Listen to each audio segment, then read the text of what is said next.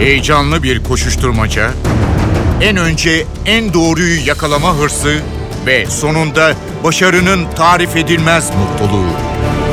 Manşetlerin perde arkası, habercilerin bilinmeyen öyküleri muhabirden de. Muhabirden şimdi başlıyor.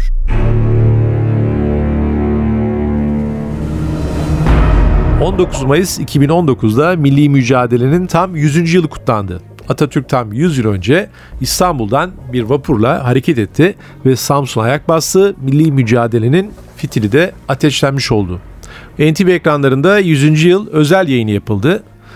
Bu yayın içerisinde ve milli mücadele için önemli bir taşıt var. O da Bandırma vapuru.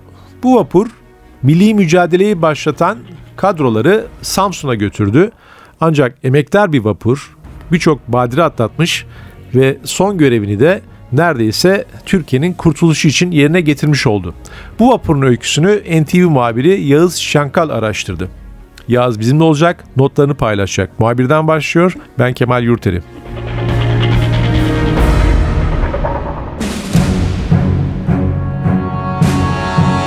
Yağız NTV ekranlarında 19 Mayıs özel yayını vardı. 100. yılı tarihi bir gelişmedi kuşkusuz. Ee, Türkiye Cumhuriyeti'nin kurulması ve bütün tarihini etkiledi. Bu önemli olayda dikkat çeken bir taşıt var. O da gemi, bandırma vapuru. Mustafa Kemal Atatürk ve arkadaşları İstanbul'dan e, milli mücadeleyi başlatacakları yolculuğa bu gemiyle çıkıyorlar. Sen de geminin neredeyse bütün tarihine baktın. Kaptanı, yakınları, hayatta olanlar bütün onlarla konuştun. İlginç bir öykü var ortada. Bandırma vapurunun önemi nedir? Ee, bu vapur niye seçilmiş? Bandırma vapuru eldeki gemilerden biri. O zaman Osmanlı Devleti'nin eldeki gemilerden biri. Ve çalışan faal bir gemi. O nedenle en uygun da o e, göreve uygun görülmüş. Biliyorsunuz Mustafa Kemal Paşa o dönem bir görevle gidiyor oraya. 9. Ordu Müfettişi olarak. E, Samsun bölgesinde Rumlarla ve e, oradaki Türklerle olan olayları önüne almak için aslında e, Türklerin oradaki direniş hareketini durdurması için oraya bir görevle gönderiliyor ama Mustafa Kemal Paşa'nın o dönem e, evet resmi bir görevle gidiyor ama paravan görev çünkü aklında ülkeyi kurtarmak var. Bir, bir direniş hareketini e, örgütlemek var ve 16 Mayıs 1919'da İstanbul'dan başlayan o yolculuk daha sonra 29 Ekim 1923'te yeni Türk Devleti'nin kuruluşuyla taçlanıyor. E şöyle demek lazım aslında 16 Mayıs ile 19 Mayıs arasında 3 günlük bir yolculuk var. Ve o aslında kurtuluşa götüren yolculuk. Mustafa o dönem Mustafa Kemal Paşa daha sonra Atatürk alıyor tabii ki ama o 3 günlük yolculukta herhangi bir şey ters gitse, gemi kayalıklara otursa, batsa belki bambaşka bir tarihten bahsedecektik. O yüzden e, Bandırma Vapuru'nun o 3 günlük yolculuğu 16 Mayıs 1919, 19 Mayıs 1919 arasında 3 günlük yolculuğu çok önemli geldi bize ve biz bunu bir belgesel yapmak istedik. Bu da e, NTV'nin 100. yıl özel yayınında yayınlandı. Bandırma vapuru e, Osmanlı donanmasına veya ticari gemi anlaşıldığı kadarıyla askeri bir gemi olmadığı için donanma demeyelim de envanterine e, ne zaman giriyor? Bandırma vapuru aslında İskoçya üretilmiş 1878'de orijinal ismi Trocadero. Daha sonra Yunanlı bir armatör satın alıyor gemiyi ve Ege ile Atina arasında seferlerde kullanılıyor bandırma vapuru. Yük taşıyor. Erdek'te 1891'de kayalara çarparak batıyor. İlk başına gelen kaza bu bandırma vapurunun. Daha sonra çıkarılıyor, yüzdürülüyor tekrar. Sonra Osmanlı Denizcilik İşletmelerine satılıyor. Ama bakın burada çok önemli e, bir nokta var. 1915'te Çanakkale Savaşı döneminde İstanbul'da Çanakkale arasında seferler yapıyor bandırma vapuru ve Marmara Denizi'ne giren bir İngiliz denizaltısı tarafından 1915'te Silivri açıklarında bandırma vapuru batırılıyor. Ama bu emektar vapurdan umut kesilmiyor. Silivri açıklarında batan vapur tekrar çıkarılıyor, yüzdürülüyor. Kaptanlığını da İsmail Hakkı Durusu getiriliyor. Çok emektar bir kaptan. Karadeniz'i bilen bir kaptan. Daha sonra Cumhuriyet'in kurulmasından sonra Bandırma Vapuru anlatılırken e, Bandırma Vapuru'nun eski bir gemi, pusulasız bir gemi, işte kaptanın acemi olduğuna dair yazılar var ama böyle değil. Çünkü Bandırma Vapuru evet eski bir gemi sayılabilir. 41 yaşında 1919'da göreve giderken ama sağlam bir gemi. Çok sayıda görevi başarmış bir gemi. Pusulası tabii ki var. E, kaptan da İsmail Hakkı Durusu da çok tecrübeli bir kaptan. 28 yıllık bir kaptan ve Karadeniz'de çok iyi bilen. E, en az 5-6 yıl Karadeniz'de seferler yapmış bir kaptan. Bu nedenle bu yazılar İsmail Hakkı Durusu'yu çok üzmüş ve 1940'ta vefat ediyor. E, hayatını kaybedene kadar da hem o hem de sonra akrabaları, torunları hep bu e, iddialarla savaşmak, çarpışmak durumunda kalıyorlar ama baktığımızda İsmail Hakkı Durusu batmakta olan bir ülkeyi kurtaracak yolcularını taşıyor ve İsmail Hakkı Durusu da görevini başarıyla yerine getiriyor. Birçok badire atlattığı ortada bu vapurun. Ee, önemli bir görev de yerine getirmiş. Peki kaptanın itirazları nedir? Çünkü belki de Kurtuluş Savaşı'ndan sonra biraz da e, o dönemdeki e, isimler biraz da efsane yaratmak için herhalde biraz da böyle mistik bir hava vermek için Atatürk'ün o yolculuğunu böyle işte çok kötü koşullarda, fırtınalar içerisinde sanki neredeyse birkaç defa batacak, işte pusula yok, makinası şöyle filan abartmışlar veya abartmış da olabilirler. E, Atatürk'ün böyle bir beyanı yok yani çok kötü bir gemiyle falan çıktığını veya pusulası olmadığını falan söylemiyor ama daha sonra herhalde etrafındakiler böyle bir şey yaratmışlar anlaşıldığı kadarıyla. E, kaptanın itirazı nedir? Çünkü e, daha sonra yakınları da çok bundan üzüntü duyuyorlar. Yani bu geminin bu kadar işe yaramaz gibi gösterilmesinden veya işte kaptanın çok acemi olmasından e, anılarını hiç yazmış mı, anlatmış mı? Onun bir takım geçmişte beyanları var mı? Aslında biz e, Bandırma vapurundan Samsun'a çıkıştan 1927'de esasında tam anlamıyla haberdar oluyoruz.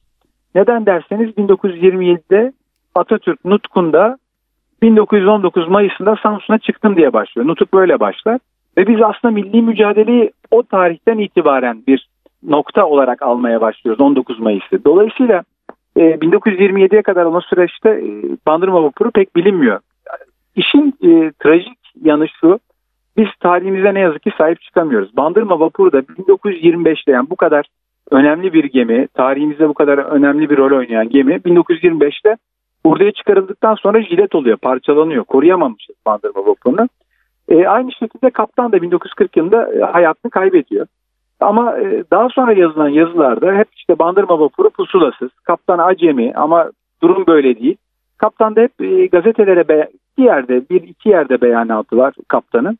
Zaten çok mütevazi bir insan. Atatürk daha sonra yanına çağırıyor.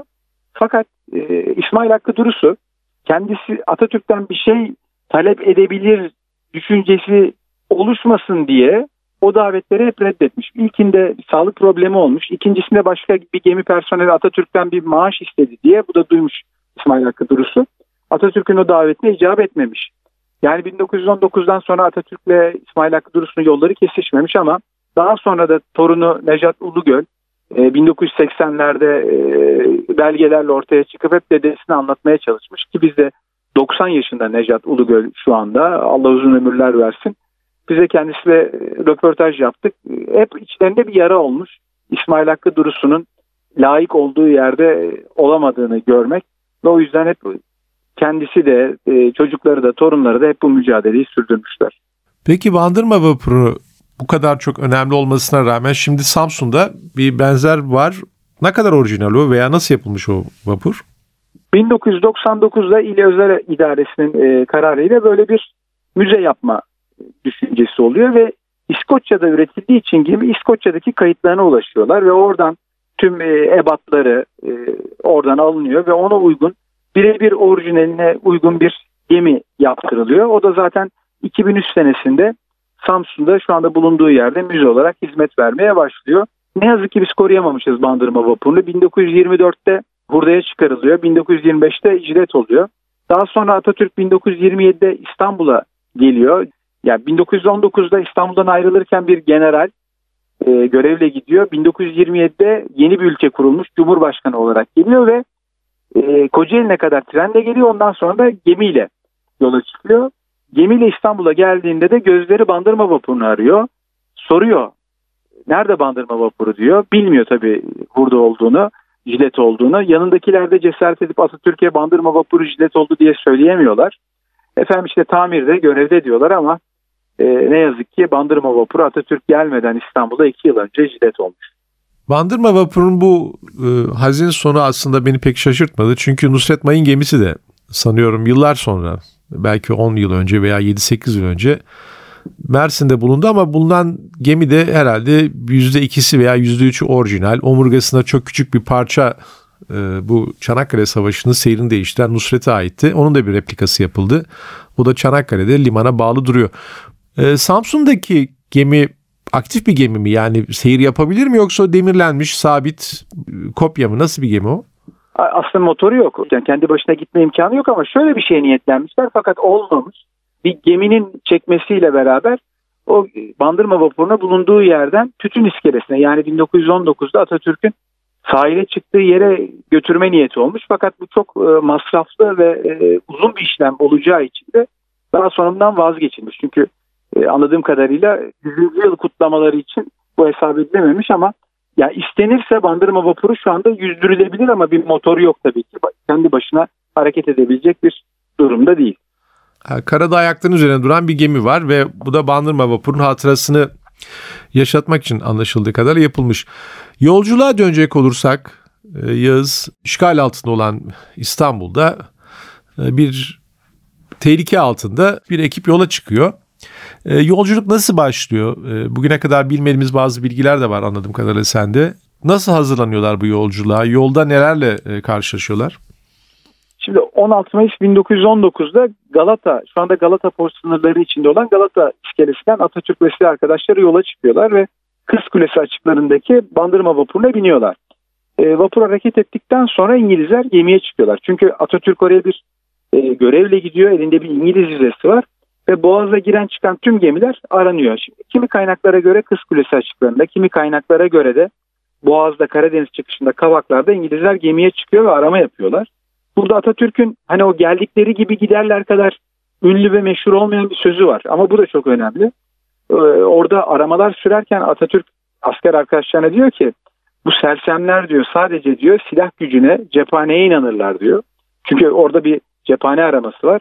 Fakat diyor biz silah götürmüyoruz, kafa götürüyoruz. İman dolu, inanç dolu bir kafa götürüyoruz diyor. Bu da Atatürk'ün esasında önemli sözlerinden biri. Ardından da yolculuk başlıyor. İsmail Hakkı Duruş'un anlattığına göre Karadeniz'e çıkar çıkmaz sert dalgalarla karşılaşıyorlar 3 günlük yol boyunca. 16 Mayıs'ta İstanbul'dan yola çıkıyorlar. 17 Mayıs akşamı İnebolu'ya, Kastamonu İnebolu'ya varıyorlar. 18 e, Mayıs'ta Sinop'talar. Sinop'ta şöyle bir durum var. Gemi kıyıya yanaşıyor Atatürk inmiyor e, gemiden ama acaba Sinop'tan gidebilir miyiz imkanları araştırıyor. Karaya çıkıp oradan devam edebilir miyiz Samsun'da çünkü arkalarında bir İngiliz torpido botunun olduğu düşüncesi var. Bununla ilgili bir kaynak, e, resmi kaynak bir belge yok ama e, o dönem e, Atatürk ve silah arkadaşları arkalarında İngilizlerin olduğunu düşünmüşler. Bu nedenle Sinop'tan acaba gidebilir miyiz diye araştırıyorlar ama Sinop o dönem hem yollar çok sıkıntılı hem asayiş olayları çok sorunlu Rum çeteler var. Bu nedenle tekrar gemiyle Samsun'a gitmeye karar veriyorlar. 19 Mayıs sabah 08'de 8'de varıyorlar Samsun'a. Gemi varmadan önce Atatürk yine arkadaşlarını topluyor ve diyor ki e, artık bundan sonra ağzınızı sıkı tutun. Ne yapacağımız hakkında kimseye yanıt vermeyin. Kendinize saklayın bilgileri çünkü artık bu bir ölüm kalım savaşı. Ya var ya da yok olacağız diyor Atatürk. Yani Atatürk aslında Samsun'a çıkarken zaten her şey kafasında planlamış. Ne yapacağı belli. Bundan sonra artık icra aşamasına geçiyor. E, derseniz ki 19 Mayıs 1919 Samsun'a çıktı. İngilizler ne zaman Haziran ayında Atatürk'ün gerçek niyetini anlıyorlar ve ondan sonra zaten İstanbul'a telgraflar gitmeye başlıyor İngilizler tarafından ve akabinde Mustafa Kemal Paşa'nın idama mahkum edilme kararının olduğu o süreç ve e, kongreler süreci başlıyor ve milli mücadele devam ediyor. Kaptanın yakınlarından hayatta olan kimler var? Bir e, söyledin oldukça ilerlemiş yaşı olan bir e, torunu var galiba. Başka yakınları var mı hayatta olan? Benim bulabildiğim e, direkt torunu vardı Necat Ulugöl. Tabii Necat Ulugöl'ün de çocukları var, e, onun torunları var ama en yakın akraba şu anda İsmail Hakkı Durusu'ya Necat Ulugöl. Sadece Necat Ulugöl değil e, tabii ki biz başkalarıyla da Bandırma Vapuru'nun yolcularının çocuklarıyla, torunlarıyla da konuştuk. Onlardan biri de aslında Kemal Doğan, binbaşı Kemal Doğan ondan bahsetmek lazım. Çünkü Kemal Doğan binbaşı rütbesiyle biniyor Bandırma Vapuru'na. Olağanüstü bir kişilik. Tam bir çılgın Türk. Atatürk'le 1909'da hareket ordusunda tanışıyorlar. 1911'de beraber Libya'ya gidiyorlar. Oradaki İtalyanlara karşı savaşı organize etmek için beraber gidiyorlar. Daha sonra Kemal Doğan 1912'de Balkanlarda savaşıyor. 1915'te Kafkasya cephesinde savaşıyor. 1917'de Irak'a gidiyor. Irak'ta vuruluyor. E, Biz kızı Ayfer Neyzi ile röportaj yapmıştık. Babasının 1917'de vurulduğu üniformayı hala saklıyor. Bize gösterdi. Omzundan vurulmuş babası. Sırtında bir kurşun deliği izi var ve aynı şekilde kan lekelerini de görüyoruz 1917'den kalan üniforma. E, daha sonra Kemal Doğan iyileşiyor. Atatürk'le beraber Samsun'a çıkıyor. Sivas Kongresi'ni organize eden e, subaylardan, askerlerden biri. Atatürk daha sonra onu Adana'da görevlendiriyor. Ve Adana'da bir kez daha vuruluyor. E, Fransızlarla Ermenilerle çatışmalarda bir kez daha vuruluyor. Bu sefer çok ciddi bir yara alıyor ama iyileşiyor. Ve biz Kemal Doğan'ı 26 Ağustos 1922'de Dumlupınar'da görüyoruz. Nerede? Yani Büyük Zafer'de topçulara ateş emrini veren komutan. Ee, ve 30 Ağustos'ta da Kemal Doğan zaferi görüyor. Bize kızı şöyle anlattı. Ben şimdiki gençleri hiç anlayamıyorum. En küçük bir olumsuzlukta, en küçük bir başarısızlıkta hemen e, yelkenleri suya indiriyorlar. Umutsuzluğa düşüyorlar dedi ama bakın benim babam dedi. İbretle okuyorum, izliyorum onun hikayesini. Her girdiği savaşta yenilmiş, yenilmiş, vurulmuş, iyileşmiş, bir daha gitmiş savaşa, yine vurulmuş, bir daha gitmiş. Ama hiç e, bu dövüşme, mücadele azmini kaybetmemiş ve en sonunda büyük zaferi gördü diye anlatıyor kız Ayfer Neyzi. Şu çok ilginç Kemal Doğan'la alakalı. Evlenme tarihi 29 Ekim 1923 yani Cumhuriyet'in ilan edildiği gün yani savaşın bittiği yeni bir ülkenin kurulduğu gün şöyle anlattı bize kızı. Benim babam özgürce ölebilme, özgürce şehit olabilme özgürlüğü elinde olsun diye hiç evlenmemiş geç bir yaşta evleniyor babası. Ancak savaş bitince evlendi diye anlattı. İşte böyle kahraman insanlar, böyle çılgın Türklerin kurduğu bir ülkedeyiz. Bu Bandırma Vapuru ile ilgili bir belgesel hazırlamakta. Gerçekten hangi şartlarda kurulduğumuzu kanlı canlı tanıkların ağzından dinlemek gerçekten benim için de paha biçilmez bir deneyim oldu.